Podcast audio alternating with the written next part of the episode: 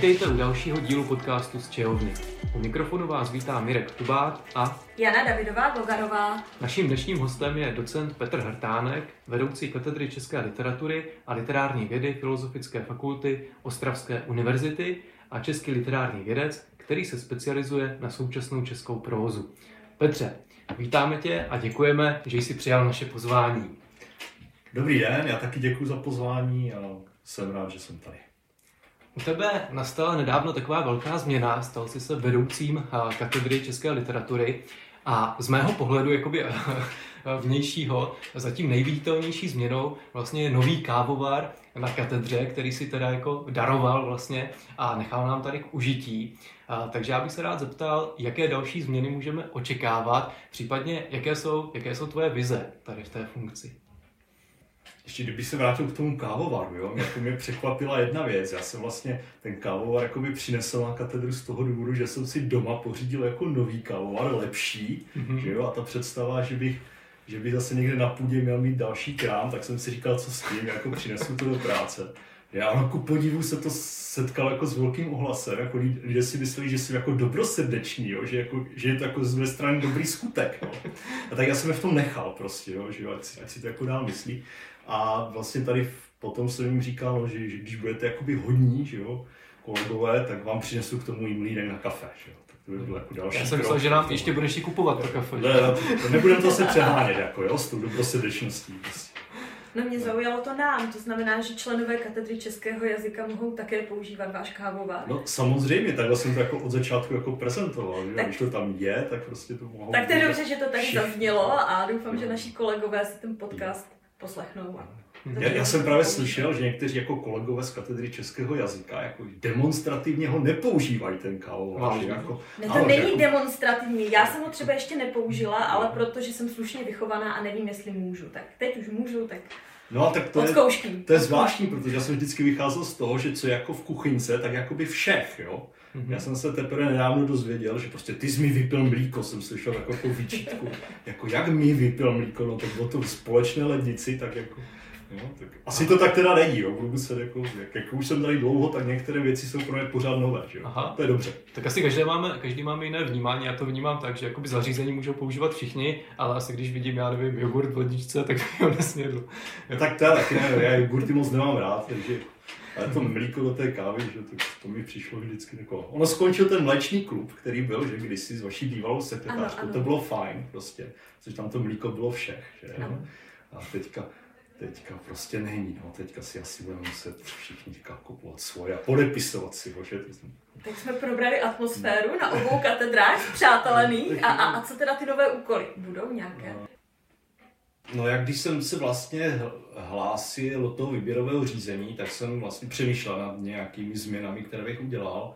A v zásadě vlastně v tom svém projektu, který jsem předložil té výběrové komisi, tak eh, jsem tak víceméně konstatoval, takový referent tam pořád byl, že vlastně nehodlám dělat nějaké dramatické, nějaké radikální změny toho pracoviště. Jo, už jenom z toho důvodu, že jsem vlastně se na tom vedení dlouhodobě podílel, takže bych jako svým způsobem, bych teďka přišel s tím, že předtím to bylo špatně a teď já to budu dělat zásadně jinak, tak bych vlastně popřel vlastně to, co jsem předtím dělal. Že jo. Takže to mi přišlo takové eh, docela jakoby nesmyslné a mm, opravdu nějaké jakoby zásadní změny, zásadní změny nechystám, snad jen v tom, že jsem už i kolegům prostě oznámil, chtěl bych prostě nějak jakoby cíleněji nebo nějak hmatatelněji, nějak konkrétněji podporovat třeba jejich jakoby vědecké aktivity, publikační aktivity, přípravy grantů, jo, takže jsem vlastně hned teďka v lednu po nástupu do, do té funkce ty kolegy jakoby přesvědčoval o tom, ať si, ať si podávají ty gačery, jo, a mm, v tomhle smyslu jsem na ně jako působil jako hodně a tak jsem je i jakoby, sliboval jsem jim prostě nějaké odměny, tak to se, to jsem mm. si udělal dobře, že jsem to slíbil. No, tak, jo. A nový mlínek na kávu. No ten nový mlínek na kávu, ale uvidíme teprve. No. Až když ty gačery A až je podají samozřejmě. No ne, že podají, až když vyjdou, jako, aspoň jeden. Tak, každopádně, jak jsi zmínil, tak ty už se jako dlouhodobě podílíš jakoby na vedení katedry, byl jsi dlouhodobě tajemníkem, teď si vedoucím katedry. Většina našich posluchačů jsou naši studenti a já mám pocit, že pořád jako většina studentů úplně jako nevidí do toho, jak ty vlastně katedry fungují. Mohl bys nějak jednoduše nám říct, co všechno obnáší třeba ta funkce, ta pozice vedoucího katedry, co vlastně on má jakoby na zodpovědnost, jo, nebo jaká je ta jeho náplň práce? Kdybych mluvil o naší katedře, kdybych teďka teď nemluvil jakoby o, o té funkci vedoucího katedry obecně, ale mluvil čistě jakoby za sebe, nebo jak já to vnímám, uh, já si myslím, že my jsme takové pracoviště, kde, uh, kde v zásadě jako, každý zhruba ví, co má dělat. Jo? A nějaké jakoby, řízení nebo vedení si myslím není ani nějak jakoby, nechci říct potřeba, jo? že vlastně z pozice toho vedoucího katedry jde fakt jenom o zajištění toho, do toho řekněme, servisu pro ty zaměstnance, pro studenty, eh, hlídat prostě ty úkoly, které se mají udělat, které dostáváme prostě z vedení fakulty, eh, snažit se prostě to pracoviště někam jakoby posouvat mm, badatelsky, to znamená vyhledávat nějaké příležitosti, reagovat na ně, Někdy mám třeba pocit, a sám sám taky zažívám, takový jakoby demotivující pocit, pokud jde třeba zrovna o podávání těch vědeckých projektů, tak uh, snažím se fakt působit spíš tak, jako že to přesvědčovat prostě kolegy, že to má nějaký smysl, uh, že stojí za to prostě si třeba ty projekty podávat a ale opravdu si myslím, že na, na naší katedře každý si tak jakoby našel nějaké svoje pole působnosti, které dělá dobře, ať už jde o popularizaci, ať už jde třeba o kontakt se středními školami, o zaměření na didaktiku toho oboru. Uh, jiní kolegové se víc třeba zrovna věnují té publikační nebo vědecké činnosti, jo? že je to tak jakoby, um, řekl bych docela dobře, rovnoměrně rozloženo, že to nějakým způsobem funguje a nemyslím si, že bych do toho musel nějak by zásadně zasahovat. No a pak samozřejmě vlastně ten vedoucí katedry uh, má ještě dva takové směry své, své práce, řekněme, že jo, jednak ve vztahu ke studentům, eh, kdy by měl mm, ve spolupráci vlastně s garanty těch jednotlivých programů nějakým způsobem eh, hlídat, mm, zaštiťovat, zajišťovat vlastně kvalitu eh, výuky mm, těch jednotlivých, jednotlivých programů měl by být schopen nějak reagovat že jo, na, eh, na připomínky, podněty, kritiky studentů, což si myslím, že jsem z rozchodou okolností teďka se uzavřely evaluace, tak jsem eh, na to nějak zareagoval a studentům jsem to dal na vědomí, co, co hodlám dělat ne, nebo nedělat, nebo jak hodlám vlastně z jejich podněty naložit. No a ten druhý směr, vlastně, který, který jsem zmínil, je to je logicky vlastně jakoby zastupování té katedry vůči vedení fakulty. Jo. Tam jako e, sám sebe chápu jako takového v podstatě tlumočníka, kdy zase ty podněty kolegů, e, pracovníků katedry e, nějakým způsobem zhromažďuju, vyhodnocuju a budu je vlastně tlumočit na, na jednáních vedoucích kateder. Pokud se tady bavíme o fungování těch kateder, tak samozřejmě to studium bohemistiky u nás je specifické v tom, že je rozdělené mezi dvě katedry. Máme katedru českého jazyka, katedru české literatury, takže v tom je tady takové jako, řekněme, bohemistické schizmátko, jako rozdělení. A právě už jenom tohle se setkávám často s tím, že, že i naši studenti tom mají dost zmatek a nejsou, nejsou si úplně jistí, kde vlastně studují. Jo, pokud řeší různé třeba Erasmy a podobně, tak vlastně neví, jestli mají jít tam na tu katedru, na tu katedru. A jak se tobě jeví eh, to rozdělení? Myslíš si, že vidíš tam nějaké výhody, nevýhody? Jaký je tvůj pohled? Protože určitě jsou hlasy, které třeba volají potom, já nevím, že na jiných univerzitách je to jedna katedra bohemistiky, jo, má to asi že zase nějaké výhody, nevýhody, někde je to zase rozdělené právě tak, jak to máme my. Jak to vidíš ty? Konec konců, pokud se nepletu, tak nějakou dobu ty si působil i na katedře českého jazyka a poté si přešel na katedru, katedru české literatury, takže jakoby znáš oba oba ty světy, řekněme, tak jak se ti zdá tady to rozdělení? Funguje to takhle jakoby dobře, nebo, nebo jak, jak to vidíš? Jak to vidím? No, z hlediska, studentů, to asi může být trošku jakoby matoucí nebo komplikované. Běžně se mi stává, že mi třeba píší studenti eh, kvůli předmětu, který vlastně je pod vaší zkratkou, ano. takže já jim prostě uh, citlivě odpovídám, že se musí obrátit na někoho jiného a ne na, ne na mě zrovna, protože ten, ten předmět se nás netýká. Že jo? A jak jsi zmínil, já už tady vlastně působím dlouho a vždycky v těch období, byl jsem tedy na obou katedrách, to je pravda, a v těch období, no v tom období, kdy jsem tady byl, tak se objevovaly vlastně různě se tak vynořovaly vždycky jakoby nápady, mm-hmm. různě motivované, jo, eh, to pracoviště spojit, sloučit, že by to mělo své výhody, jo, že by to bylo lepší, personálně, možná finančně, organizačně a tak dále. tak dále. A vždycky se od toho nápadu, jako vždycky ten nápad se objevil a vždycky se pak od něho ustoupilo, protože se řeklo, že jo. A mm, myslím si, že bych, kdyby to bylo na mě, kdyby se mě někdo jako vedoucího katedry zeptal, jestli bych uh, usiloval to sloučení kateder, tak bych řekl, že, že ne. Jo, řekl bych, že ne. Uh, a je to, ten důvod je úplně jednoduchý. Myslím si, že ty katedry jakoby fungují obě v jiných režimech. Jo? A nejsem si jistý, jestli by ty prostě pracovníci katedry českého jazyka fungují jinak než pracovníci katedry české literatury. Toto je prostě fakt. Jo? Uh, to vedení vaší katedry je prostě trošku jiné než eh, naší katedry. Důraz je u vás položen na nějaké jiné věci než v případě naší katedry. A myslím si, že by to nebylo úplně jakoby kompatibilní, bych to řekl, jo? Jakoby to, to spojení.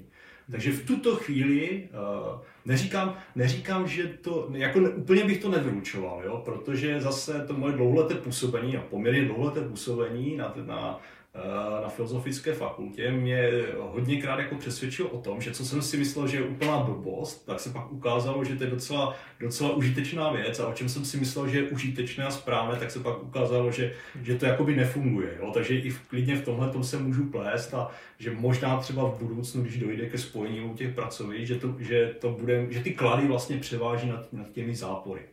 Možná i to zmatení těch studentů trošku souvisí s tím, že když třeba se bavíme o těch rozdílech mezi našimi katedrami, my jsme takový hodně aktivní, eh, řekněme třeba na sociálních sítích, jo, máme nejrůznější kanály, oproti tomu třeba vaše katedra jako relativně nedávno jako by spustila Facebook, ale určitě si myslím, že, že těch informací jakoby o tom běhu té katedry, o tom, co se děje, třeba jestli jsou vaše doktorandi, čemu se věnují a podobně, tak si myslím, že ty informace nejsou jakoby moc jakoby dostupné, moc viditelné.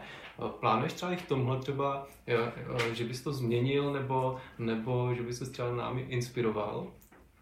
Plánuju to, nebo já jsem to vlastně i v, té, i v tom svém, svém projektu k eh, výběrovému řízení, že vlastně bych tohle to chtěl trošku jakoby rozvinout, nějakam jakoby posunout. Eh, ten facebookový profil vlastně byl založen ještě za vedení, za vedení profesora Malury, eh, na naší, na naší katedře, ale všímal jsem si, že nebyl, nebyl jakoby moc aktivní, jo, nebo nebyl takový jako moc aktuální, moc příspěvků se neobjevovalo, takže tohle jsem chtěl třeba jakoby po svém nástupu změnit. Myslím, že se to trochu zlepšilo, že kolega, který to má na starosti, tak eh, je tam aktivnější než býval, příspěvku je tam daleko víc, než bylo, nebo uh, určitě víc, než bylo. A uh, pokud jde o další jakoby, využití sociálních sítí, tak nad tím pořád jakoby přemýšlíme a hledáme možnosti a mm, jakoby eh,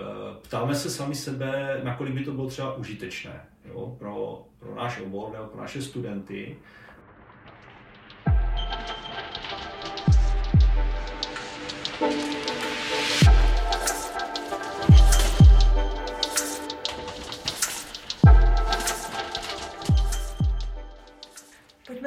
Přesunout k otázkám, které naše posluchače tradičně zajímají. Vy jste studoval bohemistiku v kombinaci s historií. Bylo to tak, že třeba na začátku oba dva ty obory byly, co se týče vašeho zájmu, vyvážené? A nebo už od začátku převažovala bohemistika? Nebo možná spíše literatura? Já jsem se vlastně na kombinaci české jazyk literatura a z historií hlásil primárně kvůli historii.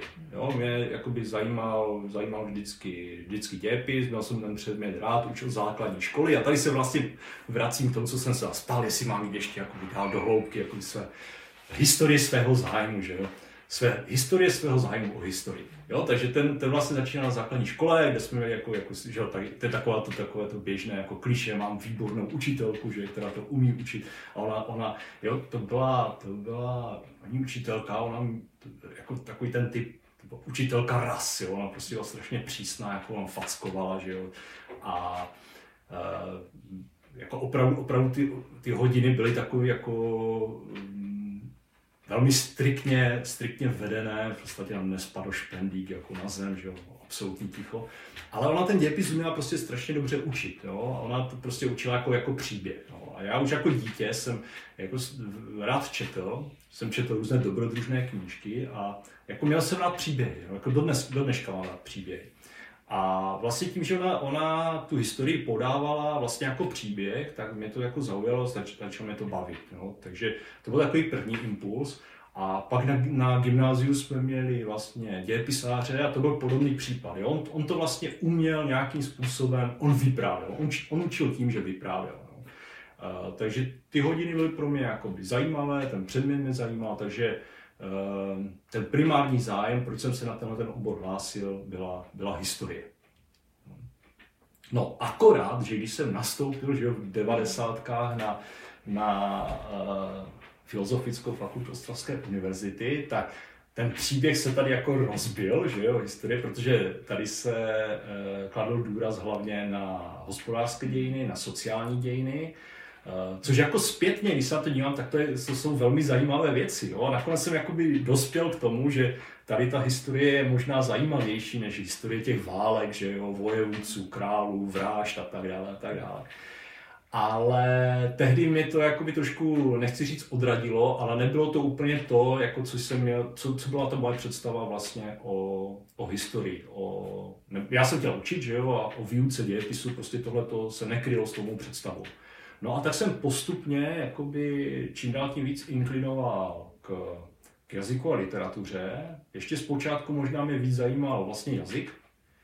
A potom později tak nějakým jakoby plynulým přechodem jsem se zači, začal vlastně více soustředit na, na literaturu, mm-hmm. což ale nebylo jako nic, jak, nebyla to u mě žádná dramatická změna, jo? protože jak jsem říkal, tak já jsem jakoby od dětství prostě rád četl, No, měl jsem prostě rád příběhy a tady literatura mě jako umožnila trošku uh, se podívat třeba na, ty, na, ty, na, knihy, na příběhy trošku jinak. Jo, tak mě to jako víc zaujalo, no, takže nakonec jsem jakoby přešel od historie přes jazyk k literatuře, abych potom začal uh, se učit na katedře českého jazyka, že jo, a zase tu cestu si tak trošku zopakoval. No to právě Mirek už zmiňoval a mm-hmm. já teda musím přidat vlastní zkušenost, protože já, když jsem byla v prváku svého magisterského studia, tak eh, fonetiku a fonologii přednášel profesor Hubáček a cvičil nás eh, v té době doktor Hrtánek, což mi mimochodem přišlo vtipné, Hubáček a Hrtánek na fonetiku. A jak to vlastně bylo, že jste začínal na katedře českého jazyka a pak jste se přesunul na katedru české literatury?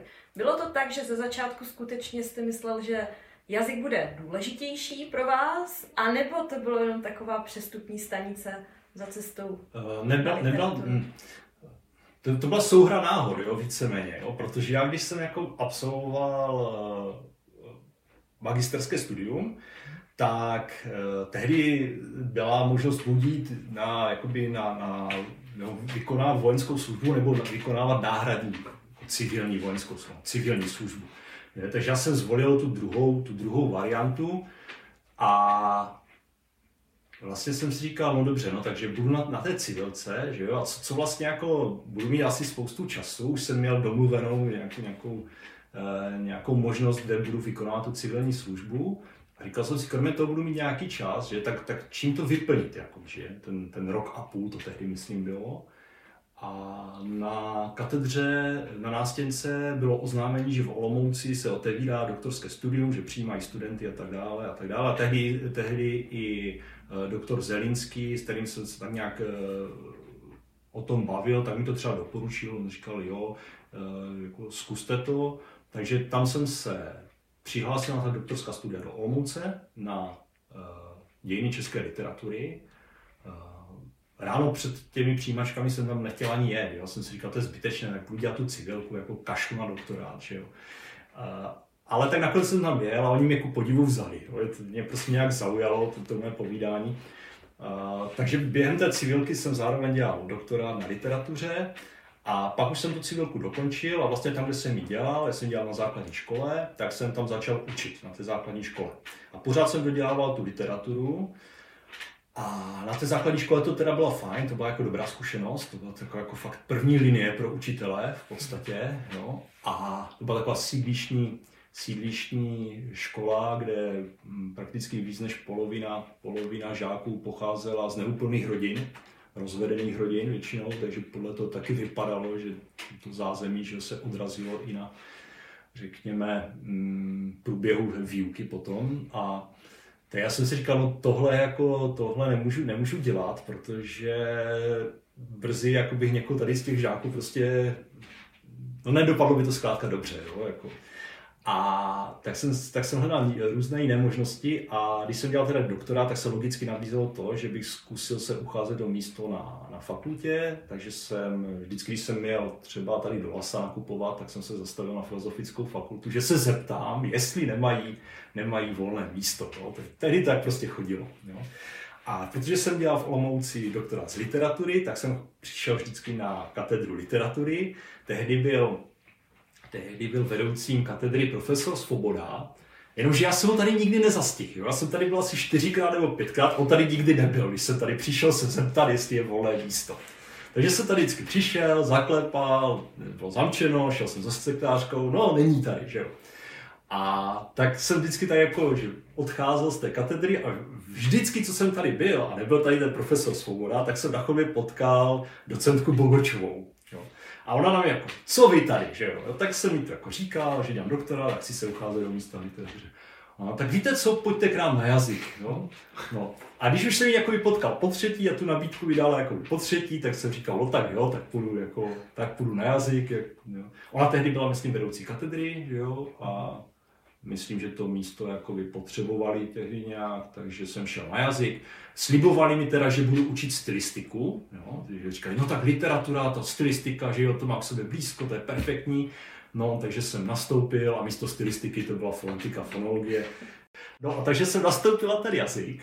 A to, to bylo fajn, jo, to jako fakt, byl jsem tady jako velmi spokojený, uh, jako myslím, že dobrý kolektiv tady byl a do dneska prostě s těmi kolegy víte, že vycházím jako řekněme, řekněme velmi dobře, nebo relativně dobře, s některým hůř, s některým méně, a to je jedno. No ale potom se v průběhu, když jsem dokončil už ten doktorát, měl jsem doktorát z literatury, tak se vlastně objevilo místo na uh, literatuře, a tehdejší vedoucí katedry profesorka Urbanová mě zase zastavila a říkala mi, že jo, vy máte, vy sice jste na jazyce, ale máte ten doktorát z literatury, bylo by logické, kdybyste, pokud máte zájem, jako pojďte k nám. No, to, ta šance tady je, řekla mi, ta šance tady je a asi dlouho nebude, jo, pokud to místo pokud to místo obsadíme někým jiným, tak nebudete mít možnost jako dlouhou dobu jako, že jo, eh, působit na literatuře. Ehm, že tak to se vracím k tomu, že vedoucí katedry má taky jako nějaké personály, na starosti nějaké personály na té katedře a musí hlídat trošku jako perspektivu toho personálního rozvoje, taky to jsem, ne, to jsem zapomněl říct, no, tak tady říkám teďka. No a tak já jsem to jako chvilku zvažoval, měl jsem trošku jako pocit i viny vůči katedře jazyka, že jakoby odcházím, že to, že to vypadalo tak, jak jste se neptali, že to byl takový přestupní můstek jenom, Uh, ale tak nakonec jsem se přes ten pocit viny jako dokázal převést poměrně rychle a přišel jsem teda na literaturu. Jako logicky mi to všechno prostě do sebe takhle jako zapadalo, jo? ale jak říkám, vše, všechno to jsou prostě náhody od začátku do konce, jo? víceméně. Nějak jako cíleně, cíleně, že bych, vždycky jsem tu nabídku takhle dostal já, jo? jako usiloval jsem o tu literaturu, to je pravda, že jsem tady vždycky jako dolízal, ale vždycky náhodou jsem potkal právě tu Irenu Bogočovou a tak, tak to vlastně vzniklo no, všechno. Vy jste si na pár let odskočil do Olomouce, abyste si udělal doktorát, ale přece jenom Nejen vaše studium, ale i vaše profesní kariéra je úzce spojena s Ostravskou univerzitou. Tak proč právě Ostravská univerzita? Proč právě Ostravská univerzita? No tak bylo to blízko, no. Mě se nechtělo někam jako... Já jsem bydlel v té době v Orlové a nechtělo se mi někam jakoby dojíždět. Já jsem, já jsem vlastně v té době chodil, chodil se slečnou, která studovala stejný obor na, na filozofické fakultě, studoval vlastně češtinu, češtinu historii. A, no a to jsem ještě právě neřekl. Tak a to je, to je taky důležité, že já jsem vlastně po gymnáziu nešel hned na, na ten obor český jazyk, český jazyk literatura. Mm-hmm. A ono, jako po, po gymnáziu, když jsem jako doma oznámil, že bych chtěl jít studovat jakoby historii, češtinu. Jo, ještě takhle, já jsem jako jednu dobu jako koketoval, že bych chtěl studovat archeologii, jo, ale to mi ten, to mi ten dějepisář nás, náš vymluvil, protože on mi říká, hele, on to vypadá jako tak strašně romanticky, že jo, a budeš hlavně házet tou lopatou a vozit ty kole, ta kolečka hlíny, že jo. A ze začátku teda aspoň. A to jsem jako rozumně uznal, že to asi není nic pro mě, takže archeologie ne. A tak jsem, tak jsem jakoby toužil potom, potom, po té historii, alespoň teda. A e, doma, doma se to nesetkal jako s nějakým velkým ohlasem, že jo. A tak nějak e, v nějaké diskuzi jsme dospěli k e, závěru, že po gymnáziu se, se přihlásím na práva. No, já jsem jako původně, původně jsem studovat práva v Praze, na Karlovce. Mm-hmm. Jo, to, byl, to byl takový ten, že jo, takový ten mladický romantický sen, že půjdu do toho velkého světa, tak jak to mají, tak jak to mají takové ty romány, že jo, 19. století, kdy ten student chudý z vesnice jede do té Prahy a má tu představu v tom vlaku, jak prostě ta Praha mu bude klečet u nohou, že tak to jsem přesně měl já, že No, a tak na Karlovku do Prahy, ale tam jsem se, tam, dělal jsem tam přijímačky, ale nedostal jsem se. To si do dneška pamatuju, co jsem tam jako měl blbě v tom testu, jo, ale to je jedno. Jo. A nedostal jsem se teda na práva a jako druhou možnost v záloze, to bylo rok 90, tehdy se vlastně dávala jedna škola a druhá. Já jsem si tak jako docela věřil na ta práva, jo. mě to jako trošku překvapilo a zklamalo, že jsem se tam nedostal. A druhou možnost záloze jsem měl obchodně podnikatelskou fakultu v Karviné, vlastně ekonomický směr, to, to, jsem vůbec tomu nerozuměl, jo? ale měl jsem to, jak říkám, počítal jsem s tím, dostanu se na práva a do Karviné půjdu jenom prostě v případě největší nouze. A to právě nastalo, ta největší nouze. Takže já jsem vlastně studoval jako ekonomickou fakultu v zásadě, obchodně podnikatelskou fakultu. Uh, mě to nějak moc jako nebavilo tehdy, jo. Já si, třeba já jsem neměl vůbec dělat matematiku a ty matematiky tam bylo spousta, to byly úplně brutální prostě zkoušky z matematiky, jo. To vůbec jako se divím, že jsem tím prolez. A já jsem, tu, já jsem dokončil bakaláře, já jsem mimo jiné, já jsem bakalář jako v oboru, jako, jo, jo, jo v ekonomickém oboru, jsem, ano, je to, je to tak, jo. Nikde se tím nechlubím a nějak moc, moc to jako, jako neříkám s ohledem jako na svou, na svou finanční prostě gramotnost, která je velmi nízká, ale opravdu jsem to studoval a, vlastně, a dostudoval, a dostudoval jsem jako bakalář.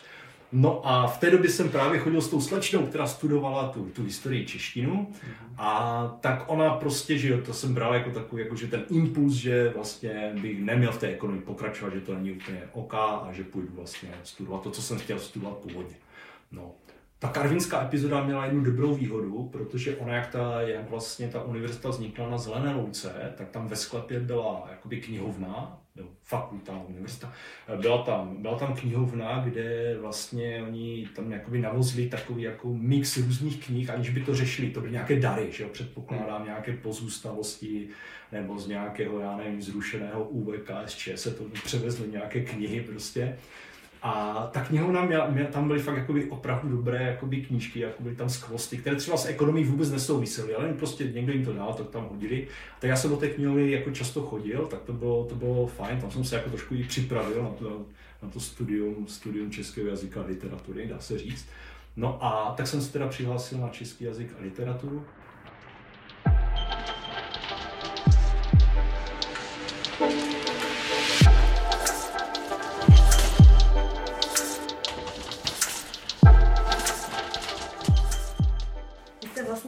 Prototypem, teda aspoň v mých očích, ideálního hosta našeho podcastu, protože vyprávíte příběhy a já jakožto milovnice příběhů rovněž eh, tohleto oceňuji. A vlastně i moje motivace pro studium historie a českého jazyka a literatury byla asi stejná jako vaše. To znamená, mám ráda příběhy.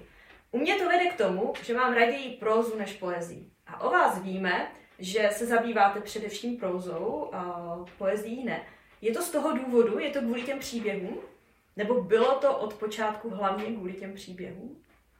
No, uh, ono v těch devadesátkách, když jsem tady studoval, v té druhé polovině 90. let, uh, tak musím říct, že jsem třeba poezii dost četl. Jo? A mm, vlastně i diplomovou práci jsem psal o poezii, ale pak mi někdo řekl, myslím, že to byl Pilář, jo, to jsou zase ty, jakoby, ty náhody a takové ty fatální věty, jo, že, že, že jakoby ta skutečná literatura je vlastně ta proza, jo, že, o, že o poezii umí psát vlastně každý, jo, ale ti opravdoví odborníci píší o proze. Uh, tak a, a to mě jako tak jako trošku přivedlo, ale ne, to, to jako samozřejmě přeháním, už jako během toho studia jsem se eh, vlastně tím jak říkám, poezii jsem četl, ale opravdu jakoby ta proza, ty, ty příběhy. Do dneška třeba nemám moc rád prozu, že jo, takové ty, takové ty pokusy s tou formou, které ten příběh jakoby rozbíjí, že a, a vlastně, mm, vlastně je to proza, ale žádný příběh, jako je to jako, jako nesižetová proza, jo, že ten, ten pevný, ta pevná dějová linka tam třeba není, tak takové knihy moc nemám rád, nemusím je moc číst, jo. Naopak si fakt libuju v takových jako, uh, řekněme, pevně, sižetově pevně, pevných příbězích. Jo? To, to, prostě takové knihy, takové knihy upřednostňuji určitě. Jo? Což, je, což je fajn, protože ta současná literatura, že proč současná literatura, tam v těch, v té druhé polovině 90. let Eh, zásadním způsobem vstoupila do hry postmoderna, že jo, a ta ten příběh jakoby resuscitovala, dá se říct, že a takové ty pokleslé žánry, které jsem četl jako dítě, že jo, ty westerny a, a science fiction, tak to jakoby znovu začala oprašovat a znovu to nějak připomínat, tak to jsem si říkal, tak to je dobře, protože teď už nečtu jakoby ten, ten brák, ale čtu vlastně čtu vlastně literaturu, která se tváří, že je taková ta vysoká literatura, že přitom to jsou pořád takové ty základní prostě základní příběhy, dobrodružné literatury a podobně. Kde je podle vás hranice současné české prózy? Vy jste zmiňoval 90. léta, tak je to skutečně rok 89?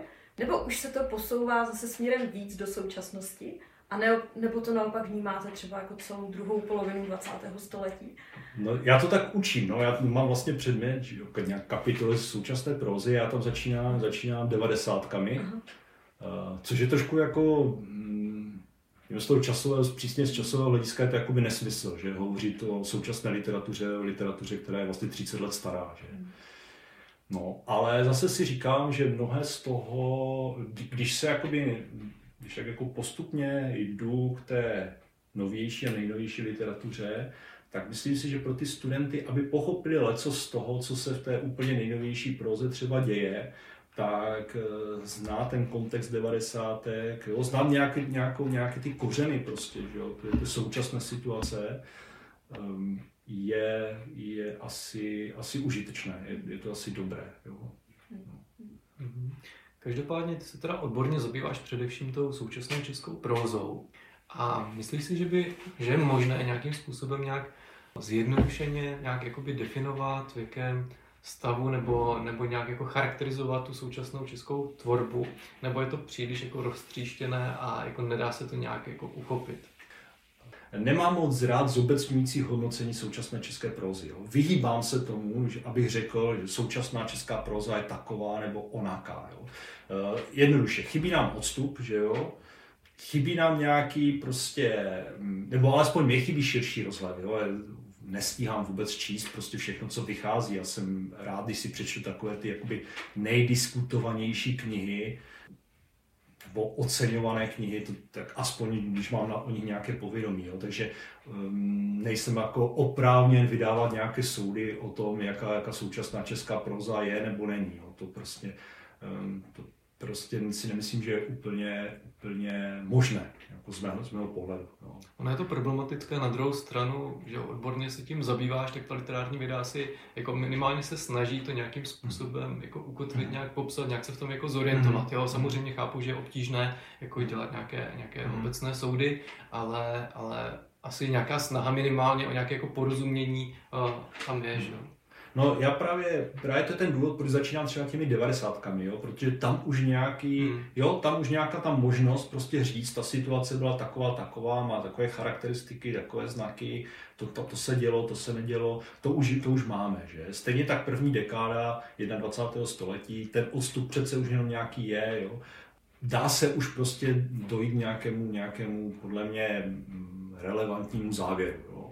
Když to u té, u té současné současné prózy, mm, jo, trochu, trochu se bojím, no tak můžeme, můžeme oni, nebo můžu oni vydat nějaký soud, jo, ale v zásadě, a, dělám to taky třeba během výuky, jo, řeknu nějaký názor, no ale předpo, předpokládám a počítám s tím, že uh, za deset let vlastně autoři, které já považuji za současně klíčové, tak se ukáže, že třeba za 20 let se ukáže, že hráli jakoby druhou, druhé housle, že jo, a že vlastně ty, ty autory, o kterých se studentům nezmiňují, tak to, to jsou právě ti jako zásadní že, spisovatelé, kteří ten vývoj nějakým způsobem určovali. Jo.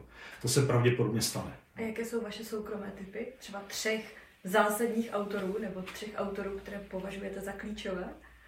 No to je, to je právě to, že já vlastně, eh, ono se mi to jakoby potvrdilo, jo? Mm. To, to, co říkám, že ty autory, které považuji za klíčové, tak se ukázaly nakonec, že ta literární historie je tak jakoby že jo, někam jako spíš odsunuje. A to, to tež třeba i v případě, teďka odbočím úplně, ale jste říkali, že máte rádi příběhy, jste rádi, když vypráví. No. Uh, to tež třeba v případě filmu, jo? já jsem jednu, jednou dobu jsem si jako koketoval s takovou myšlenkou, že budu v uvozovkách filmovým kritikem a jak je, jak je to ČSFD.cz, že jak tam píšou jako takové ty, ty komentáře a tak, takže budu psat taky komentáře a budu dávat ta procenta. A když jsem se třeba podíval na nějaký film, tak a říkal jsem, to je super film, že třeba 90%. A já jsem zjistil, že se úplně jako rozcházím s tím hodnocením na ČSFD, jo? že film, kterému jsem dal 90%, tak měl třeba 22 jako, jo, v tom celkovém hodnocení. A naopak film, kterému jsem dal třeba 15%, tak měl třeba 80. Jo? Takže jsem říkal, tak jako filmový kritik asi nejsem úplně dobrý a trošku něco mi jako říkalo, že v podobně to budu víc s literaturou, jo? že jako ty, ty autory, které jakoby Jo, takže eh, když se vrátím k těm typům, tak bych dal třeba, myslím si, že výborný autor je Petr Stančík, současný. Myslím si, že výborný autor je Jan Novák. Jo, uh, myslím si, že Jan Novák je trošku jakoby nedoceněný, tak ty jeho knihy někdy jsou takové jako trošku kontroverzní, že vyvolávají nějaké diskuze, jasně, ale že jo, tak je to autor, který byl nominován na, na Pulitzerovu cenu, že? tak to asi nemůže být úplně, úplně spisovatel druhého řádu. No. A ještě z těch současných, asi by se, aby byl jako genderově vyvážený, tak by to měla být nějaká žena, že? pokud, pokud uh, máte... Ně, nějaký, nějaký typ, no. Uh, já si vzpomenu. Ne, já bych, já bych jmenoval jako, jako hodně, hodně autorů, jo, ale jak říkám, už vlastně úplně tu nejnovější, nejnovější literaturu nestačím, nestačím hmm. sledovat, jo, opravdě. A hmm. Spíš tak, eh, spíš tak co, co, k čemu se dostanu, nebo co, co si přečtu, o čem se hodně píše. Jo, hmm. co, jo. A takže něco z těch opravdu, třeba tři roky starých knih maximálně, něco, co vás opravdu, ať už v kladném, nebo i tom záporném slova smyslu zaujalo? Takže další třeba takový autor, kterého mám jako velmi rád a které, které třeba i nějak jako učím, no, snažím se představit studentům, je Stanislav Komárek, že jo, biolog a, a uh, autor celé řady jakoby uh, eseisticky laděných, že jo, i jakoby populárně naukových knih. Uh, takže mám rád, mám rád prostě Komárkovi, Komárkovi prózy, které napsal, mám rád vlastně i jeho, nebo z těch knih, které ve mě zanechaly jakoby dojem z těch posledních třech let, tak to byl takový jakoby Komárkův diptych, on se jmenuje, myslím, Města a městečka, což je vlastně taková jakoby vzpomínková kniha na kraj jakoby, jižních Čech, kde on jakoby vyrůstal na jeho dětství, že jo, mládí No, takže to, to, byla, to je třeba taková kniha, kterou jsem si přečetl s takovou jakoby chutí a která by mě vyvolala takový, nebo zanechala takový jakoby, uh, nějaký dlouhodobější dojem, uh, ale zase i z takového, řekněme, profesního hlediska, protože Komárek napsal uh, vlastně román, který se jmenuje Černý domeček, a je to, je to vlastně autobiograficky laděný román, který vlastně mapuje, mapuje 100 eh, let v životě městečka, kde on se narodil, kde vyrůstal a ty knihy spolu komunikují. Jo? Ten román Černý domeček a ty města a městečka, což je fikce a non-fikce,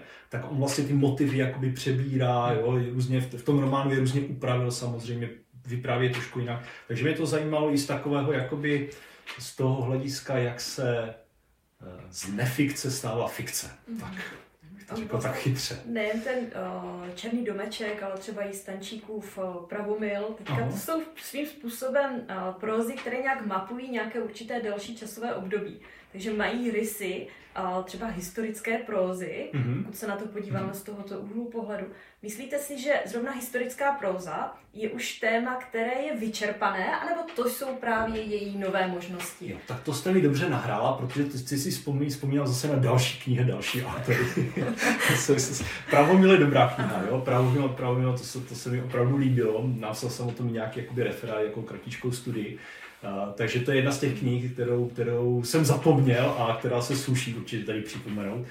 A z historického románu, co je opravdu jako podle mě výborná kniha, jeden kritik řek, řekl, že, nebo napsal, že je to pro něho historický román desetiletí a myslím si, že moc nepřeháněl. Kniha od Petra Motýla a teďka úplně přesně neřeknu ten název, příběh eh, rytíře Vítka a jeho dcery Anešky. No, je, to, je to vlastně román, historický román, který je psán takovým vančurovským stylem a je to, je to prostě úplně nádherná kniha. Prostě. A je, je vidět, že Někteří říkají, že ty prózy Petra Motýla, nebo dívají se na ně tak trošku jakoby s despektem, ale vidět, že ten motýl je prostě prozaik, který je podle mě nedoceněný. Hmm. No. Že většinou se Petr Motýl připomíná jako básník, nebo zmiňuje se jako básník, ale podle mě i ty jeho prózy jako stojí určitě za přečtení a za to, aby se jim věnovala pozornost. A ten, ten román je opravdu jako, je, je skvělý. Jo? To, byla, to byla fakt kniha, kterou jsem jako přečetl tak jako schutí a když jsem si vychutnal ten jazyk, že jo, protože on je takový jako velmi bohatý, šťavnatý, uh, on využívá prostě různé uh, dialekty a možná i pseudodialekty, které si sám vymýšlí. Jo. Jako to hospodské žvanění, vrství prostě ty různé historky, lepí to na sebe. Jo. A přitom ta pořád je ten, ten příběh prostě toho, toho rytíře, kterému je unesena dcera a on se vydává ji, hledat. A je to příběh vlastně několikeré pomsty a několikerého provínění a několikeré odplaty. Je jako, fakt jako krásný román. Tady s tím souvisí otázka, no, když vlastně si vybíráš nějakou literaturu k četbě, nějaké, nějaké nové knížky, a do jaké míry se tam vlastně prolíná ten odborný zájem, kdy ty víš, jo, že se píše o nějakých knížkách, diskutuje a že bys asi v rámci té profese o tom jako měl vědět a do jaké míry se to právě prolíná s tím tím jakoby nějakým soukromým zájmem, že by si fakt mhm. chtěl jako něco přečíst jakoby mhm. sám nezávisle na té profesi. A jestli, jako, do jaké míry se to vůbec jako dá oddělit, nebo jestli třeba existuje nějaká oblast literatury, kterou fakt rád čteš, ale vlastně jakoby odborně se ní vůbec jako nezabýváš. Mm-hmm. Obecně se dá říct, že ten, jakoby ten soukromý zájem o ty knížky jsem jakoby úplně potlačil, jo? což mm. mě teda dost, dost štve. Jo, že si nemůžu přečíst knihu, kterou bych jako jenom tak si chtěl přečíst.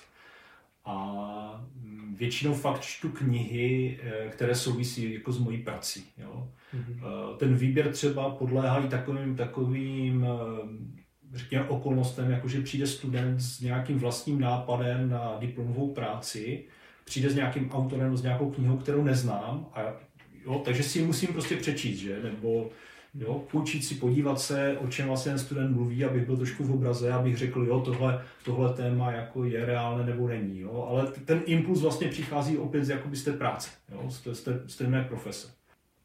Že bych sáhl po knize jenom tak prostě ze zájmu, to se mi dlouho nestalo. A jak říkám, štve mě to. Mm-hmm. Uh, no, takže on je obecně, že z toho vyplývá, že té literatury opravdu je mnoho, že publikuje se spousta, spousta nových knih a i pro člověka, který se tím odborně zabývá, tak jako nějak jako zmapovat jakoby celkově tu tvorbu, co se vlastně všechno odehrává, je nesmírně náročné.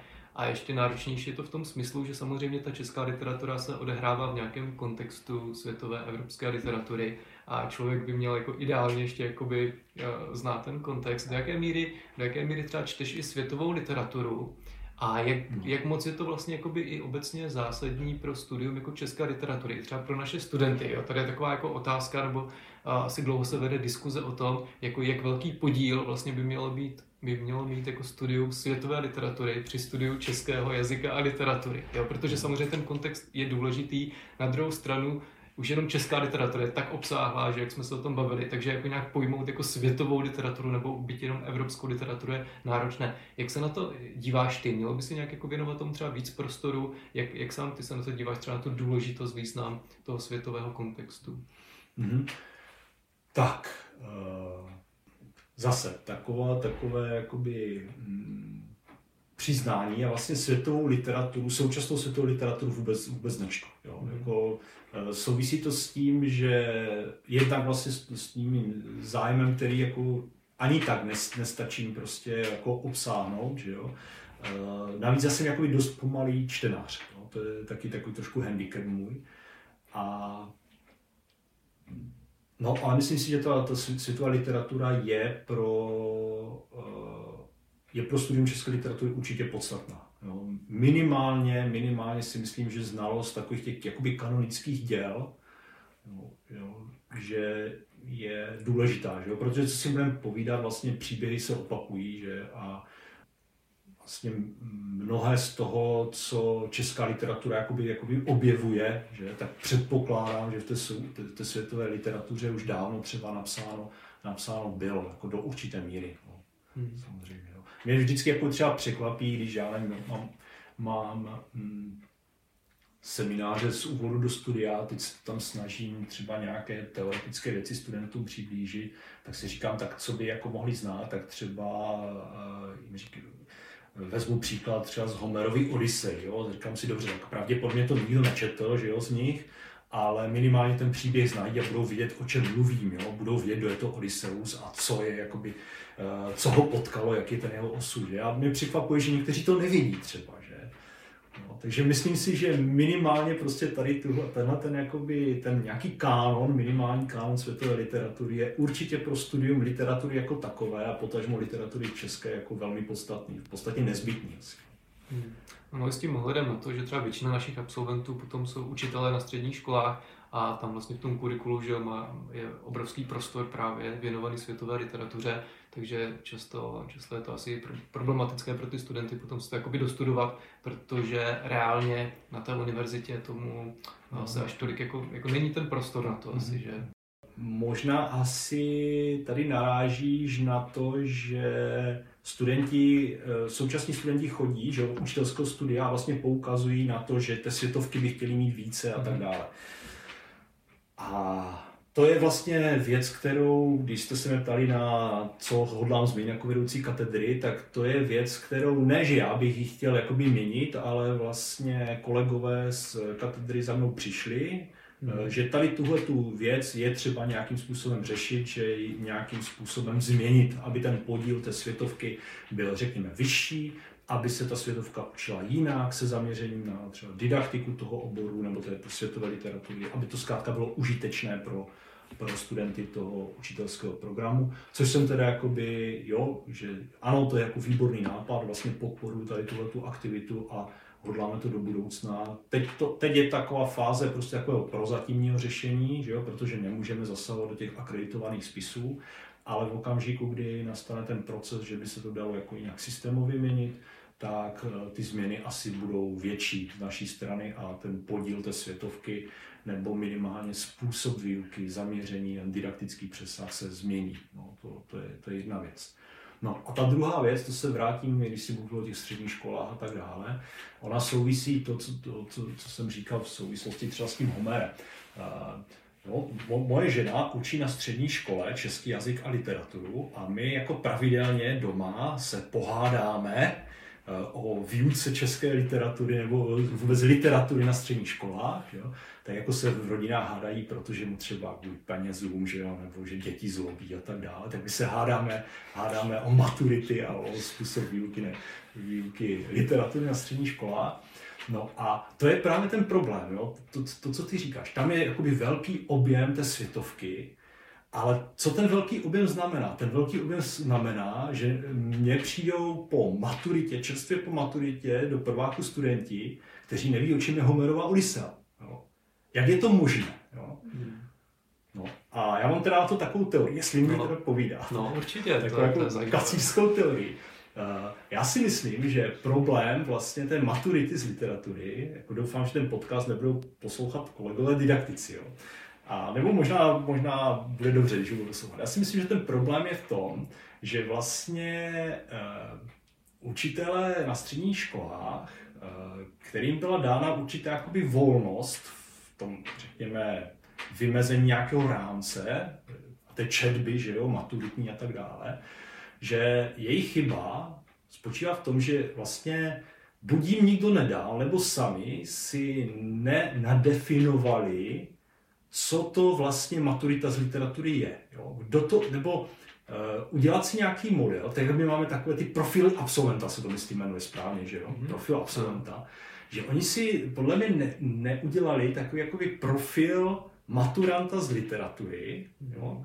A teďka nemyslím nějaké jakoby takové ty, ty ta slovíčka, jak se tam píšou, že kompetence, dovednosti, znalosti a tak dále, ale prostě fakt si sednout a říct si, dobře, člověk, který odmaturuje z literatury, co vlastně by měl vědět, mm-hmm.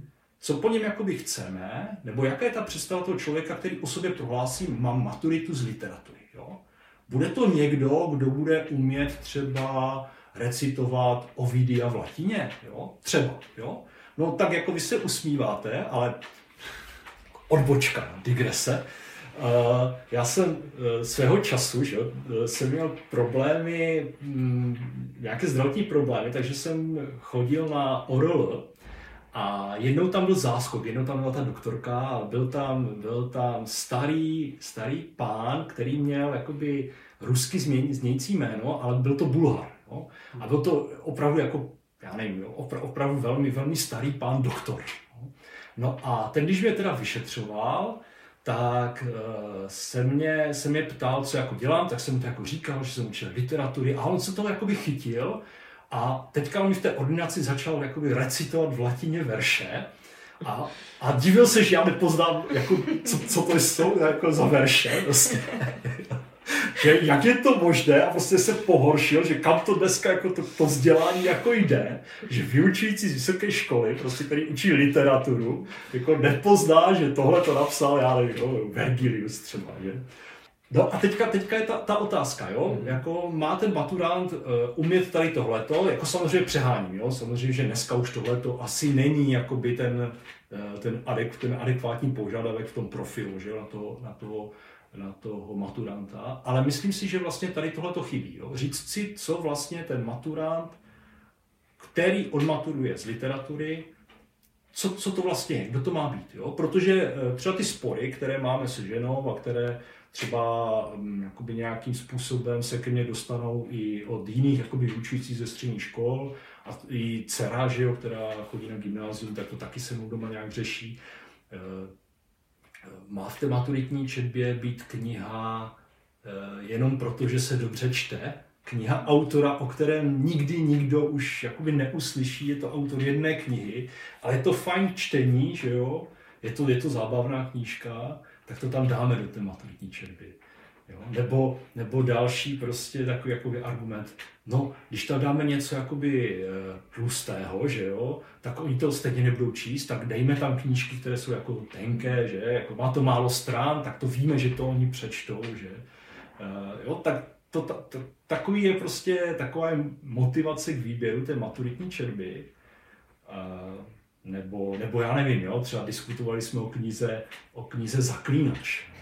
No oni to čtou, že jo, oni to ti mladí čtou, tak to dejme do té maturitní četby. No a tak já se ptám, no tak dobře, jako fajn, já, já vím, že je to jako populární, že to čtou a tak dále, a že nějaká pravděpodobnost, že teda maturant si to opravdu přečte a nebude si hledat, hledat ten obsah na Wikipedii, že jo, což se běžně děje a teďka ještě taková ta humorná situace, že oni, oni odmaturují z, toho, z, z té knihy, že, a pak to těm učitelům ještě jako zvesela oznámí, no víte, já jsem to vůbec nečet, že jo, já jsem si teďka před maturitou přečetl na Wikipedii a má tu maturitu z literatury a už mi nikdo nevezme, že jo, tak to je fajn, že jo. Hmm.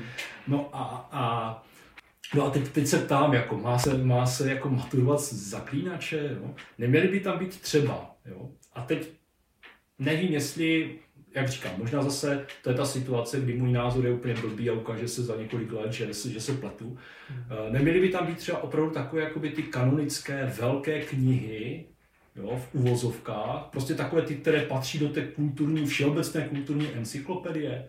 Jo? Moje představa, že že maturant z literatury, dobře, neumí, neumí, eh, neumí přednášet v latině verše, verše římského básníka, OK, ale třeba luští křížovku a má tam, má tam Homerův epos, že jo, v té legendě, a on nezná odpověď. Jo. Má tohle být maturant literatury?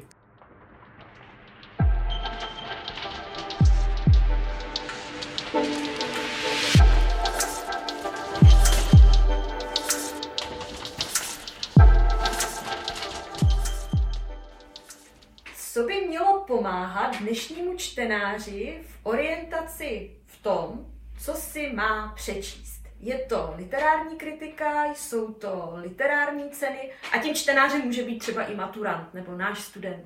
Uh, jaká je role literární kritiky, velkých literárních cen? Asi každému automaticky naskočí Magnesia Litera. Mm-hmm. A jaká je role učitele? Jo, jo, jo. No, to, to vlastně souvisí že, s tím tou předchozí otázkou, protože někteří, někteří ti učitelé říkají, že vlastně smyslem výuky literatury je jakoby získat to, ten zájem o to čtenářství, že?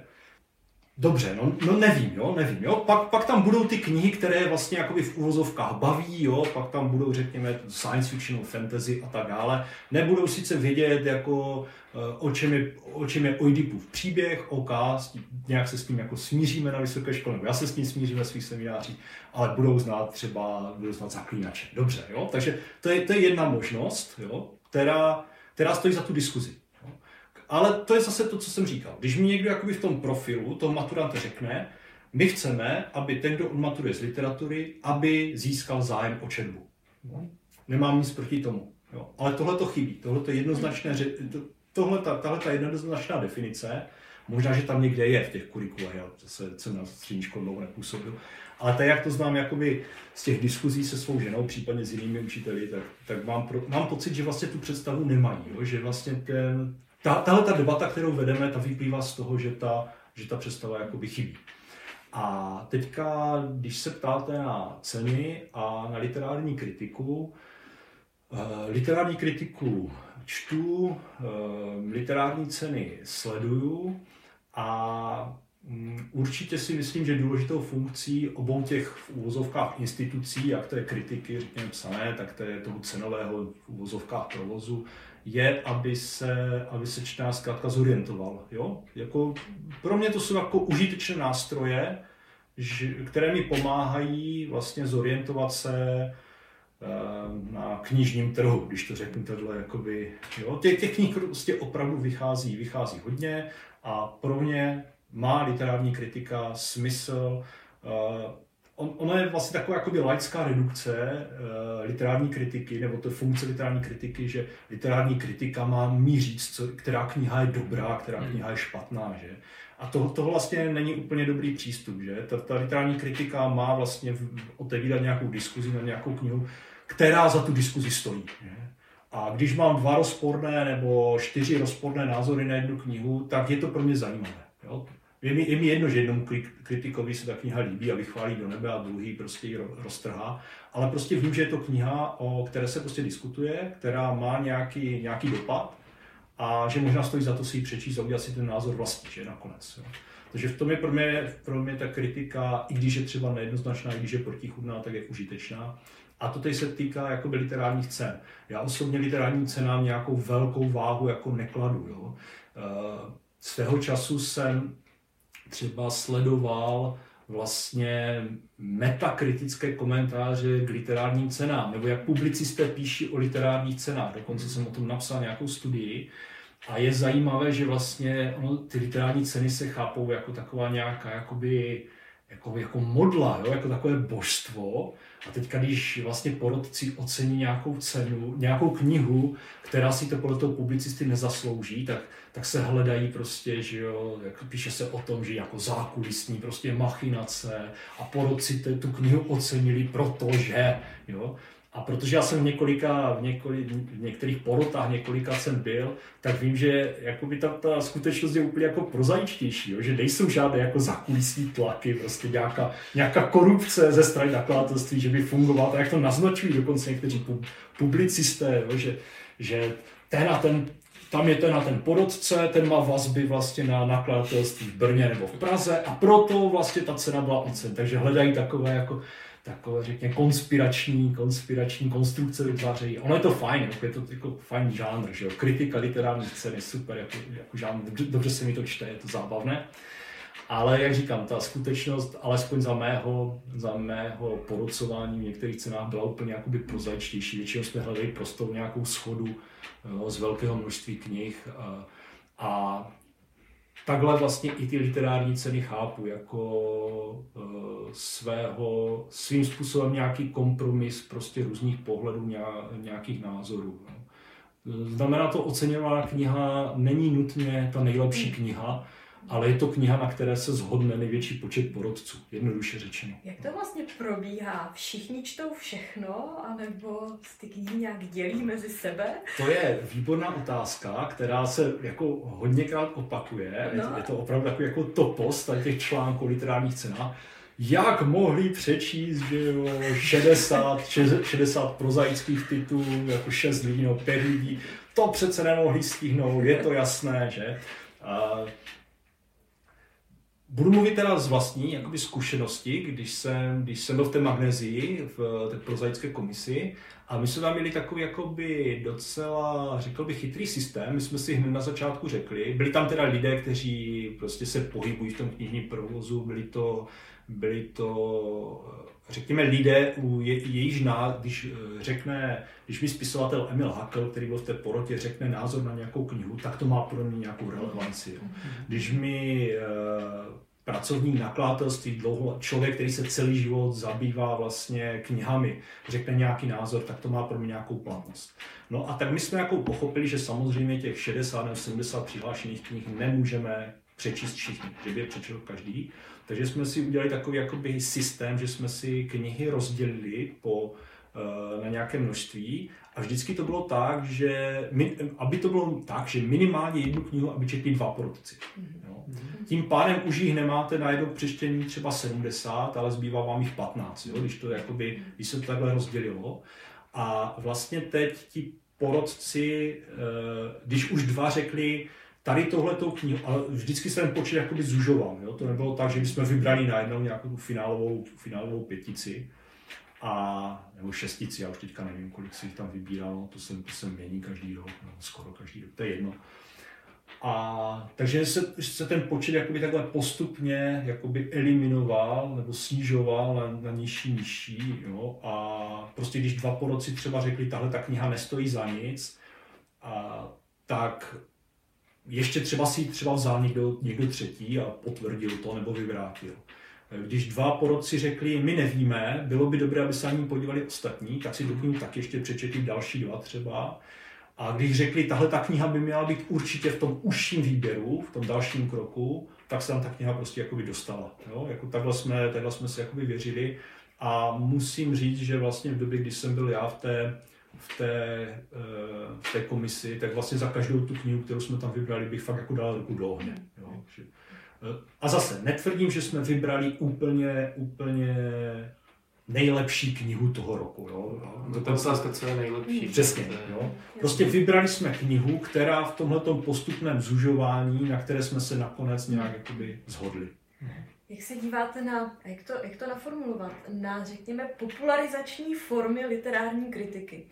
Třeba na Instagramu, nevím, jak je to na Facebooku, se v poslední době objevilo mnoho účtů lidí, kteří čtou knihy, doporučují je, píší vlastně recenze, něco podobného, jako třeba na CSFD filmové kritiky. A nejsou to vždycky knihy typu Zaklínač, ale skutečně to mohou být i knížky, které se objevují tradičně, figurují v literárních cenách a i u běžných literárních kritiků. Myslíte, že to může mít smysl?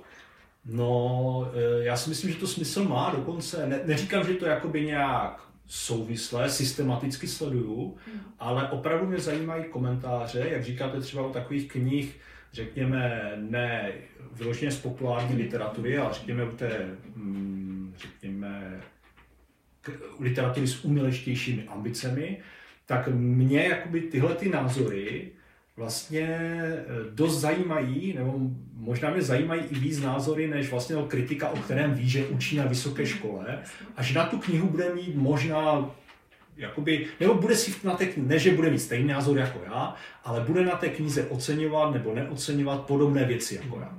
Jo? Ale tady tyhle ty laické názory třeba na tom internetu, v těch komentářích, jo? ty jsou pro mě jako docela zajímavé a občas se jakoby jak říkám, ne systematicky, ale občas se podívám, co o té knize říkají ti uh, takzvaní v úvozovkách naivní čtenáři, že? Teď nechci, aby to vyznělo, to je prostě jakoby termín, že? No, jako obyčejný čtenář, který si jako, jako přečte a a je to, je to, je to, je to fakt jako zajímavé. No? Někdy, někdy se ukazuje, že ti, taková kacířská, kacířská myšlenka, že ti vlastně ti naivní čtenáři tu podstatu někdy trefí, samozřejmě ne tím odborným jazykem, ale takovým tím, takovým tím jakoby uh, obyčejným pohledem na věc, takovým tím zdravým selským rozumem, že tu podstatu trefí jako lépe než, ten, než třeba já, jako, jako, jako uh, který si myslím, že tomu jako rozumím. Že? No. Tak. Vy jste někdy v polovině našeho podcastu říkal, aby to bylo genderově vyvážené, tak bych měl zmínit nějakou ženskou autorku. A já jsem říkala, nepotřebujeme, pokud si nevzpomenete. Tak neptám se, jestli jste si vzpomněl, ale vůbec eh, ta otázka eh, ženské literatury, jak se na ní díváte? Existují podle vás nějaké rozdíly uh, mezi literaturou psanou ženami a literaturou psanou muži, nebo je pro vás jako pro literárního vědce naprosto zcestné to takto rozdělovat a hodnotíte skutečně jenom ten výsledný produkt. Mm-hmm. Víte co, to by stalo za, za takový pokus, že? On, on ten problém je, že když si tu knížku vezmete, tak vidíte, že to napsala žena. Mm-hmm. No. Prostě, jo. Nebo je to kniha, o které se mluví, tak víte, že ji napsala žena. To prostě tomu, tomu se nevyhnete. Jo. Takže my už jakoby máme nějaký před nějak dostaneme nějakou před, informaci před samotným tím textem. Ten pokus by byl ideální v tom vzít prostě ta díla, že jo, znemožnit tomu čtenáři, aby, aby znal, kdo to napsal, jestli to napsal muž nebo žena, a nechat jakoby, nebo já nevím, jestli dokázal nějaký stroj takhle jako vyřešit, jestli ženy v tom stylu jsou nějak jakoby jiné než, než muži. No. A troufám si tvrdit, troufám si tvrdit, že by to že možná ty rozdíly jsou, ale že neplatí absolutně. Že určitě, určitě by se možná ukázalo, že uh, řada mužů prostě ty charakteristiky toho takzvaného ženského psaní používá taky. A možná v daleko větší míře než některé ženy, které se zase více podobají mužskému psaní. Pokud tedy takové jakoby konstrukce jako mužské psaní, ženské psaní existují. My jsme na začátku mluvili o nových úkolech na pozici vedoucího katedry. Co ty badatelské úkoly? Máte nějaké téma, které, na kterém teď aktuálně pracujete, anebo vás láká do budoucna? Zjistil jsem, že jak stárnu, tak mě čím dál tím víc začínají spíše zajímat jakoby teoretické otázky literatury, které jsem předtím spíš tak jakoby zanedbával, jo, nebo že jo, nějakém minimálním režimu jsem se jim věnoval, ale že mě literární teorie začíná zajímat čím dál tím víc, musím říct. A další jakoby taková, no, další možnost, která se mi tak jakoby otevírá, kterou bych se chtěl nějak jako více zabývat a už nad tím trošku pracuju, že teď vás si překvapím, že mě jakoby za, začala zajímat jakoby ústní slovesnost, jako folklor v podstatě, mm. Ale ne v té podobě toho, že těch krojů prostě a té, té, té vesnice, život, vesnického života a tak dále, ale spíš takový ten, ta, ta ústní slovesnost, takový tam moderní, že jako jsou ty městské legendy a takhle, jo. Protože tam zase, že jo, žijou nějaké jakoby příběhy, které třeba nějak jako putujou, že jsou přetvářeny. A to je jakoby jev, který mě, který mě v tuto chvíli jakoby zajímá. Jakoby takový druhý život, druhý život ústní, v uvozovkách druhý život ústní lidové slovesnosti, když bych to tak řekl. No. no ono přece jenom to není úplně téma, kterým, kterým by se v tom českém prostředí nikdo nezabýval, ale určitě bude trošku jiný pohled literárního vědce a etnografa. Mm-hmm. A co můžete jako literární vědec nabídnout tomuto tématu? No tak... To zajímá zase mě. Jo, jo, jo, jo. jo tak uh, třeba, kdybych mluvil jako úplně prakticky, teď jsem se dostal k rukopisné pozůstalosti jednoho spisovatele, a aniž bych to jakoby, nebo já jsem to při, jako trošku tušil, aniž bych to věděl, protože ten autor jakoby čerpá hodně jakoby z ústní slovesnosti, Karvinská, Orlové a tak dále ve svých knihách, tak jsem předpokládal, že asi v době, kdy pobýval na tom Karvinsku, že asi se s ním dostal do nějakého kontaktu. No a když jsem tedy měl možnost jakoby nahlídnout do jeho rukopisné pozůstalosti, tak jsem zjistil, že on byl vlastně v meziválečném období, že byl sběratel ústní slovesnosti Karvinská Orlovská, Hmm. Což vlastně je svým způsobem velmi zajímavá věc, že jo? protože ústní slovesnost Orlové a okolí, hm, Jablunkovsko, jasně, že tam to jakoby tak nějak předpokládáme, že, že tam to, ty, ty Beskydy, že to nějak jakoby konzervovali, že, ale že na Karvinsku a, a v Orlové a okolí, které procházely vlastně jakoby uh, velmi dynamickou, že jo, demografickou, hospodářskou proměnou od konce 19. No, poloviny 19. století, takže tam bude nějaká, nějaká ústní slovesnost, nebo budou, no on, ty, on vlastně zachytil ty poslední, že jo, ty poslední pozůstatky, ty poslední stopy, takže když se podíváme té rukopisné pozůstalosti, tak jsou tam jakoby vypravování, on si tam jakoby dělal poznámky, že, paní Kulová, ročník třeba 1870, že, takže když on to sbíral ve 30. letech, tak, ta, tak ta, to už byla třeba měla přes 60 let, takže to byla, to, jo, a teď tam má třeba vyprávělý tatínek, který pocházel z Haliče, jo, poznámku. Takže to je vlastně jakoby, že jo, nějaká putující ústní slovesnost. No a teď co může nabídnout jako literář? Že literář samozřejmě neuplatní to, to, jakoby to folkloristické nebo etno, etnologické hledisko, že jo? ale zajímají mě třeba ty, ty, jakoby příběh jako takový, zajímají mě postavy, které se, které se v těch příbězích objevují. Jo? To, je, to je strašně zajímavá věc. Pro mě jako z rodáka z Orlové, který vůbec jako, jako dítě vyrůstal prostě v prostředí, které jako žádný folklor, žádný slovesný folklor vlastně jsem kolem sebe, nikdy jsem se s tím nesetkal. S čím jsem se setkal je pověst o založení Orlové. Jo? Jasně, to, to, tam je, že jo, nějak s tou knižnou, s tím Orlem a tak. To, to je jediná, jediná taková nějaká stopa, která v té orlové ještě v tom povědomí jako je. Jo? Ale vlastně, když jsem najednou začal eh, dívat se do těch rukopisů, tak jsem zjistil, že vlastně Karvinsko a Orlová, že to jsou prostory, které jsou zabydleny jako spousty nadpřirozených bytostí, jo? Takových jako, a jsou to až takové jako hororové příběhy. Jo? A to, to je prostě najednou pro mě jako zajímavé jako, jako literáta, jo, který, když se vracím k tomu, že jsem byl vždycky zájem o takové ty dobrodružné příběhy a strašidelné příběhy, a dodnes bych řekl, že mě třeba v té současné české proze hlavně přitahují takové ty příběhy s tajemstvím, že. Tak najednou to začíná objevovat v té, v té jakoby slovesnosti, jo. Je, tak jako třeba mám, mám strašně rád knihu z té světovky, když jste se na to ptali. Mám rád strašně rád knihu Brema Stokera Dracula, že? A klasika, že, kterou měl každý si myslím přečíst. A jak to jako pro mě úplně překvapivé, že tady v tom Slesku jako ty vampirické motivy jsou velmi, velmi silné, že ta Orlova byla prostě jako rejdištěm prostě těch, těch mor, které prostě vysávaly tu krev. Jo. To, je, to je pro mě úplně zjištění, že tady ten, ten motiv je, má ten jakoby folklorní původ. Uh, vlastně nebo ne folklorní původ, ale že byl rozšířen taky nedaleko třeba mého rodiště, o čem jsem jako nikdy, nikdy neměl vůbec ponětí. Mm, tak to zní velice zajímavě.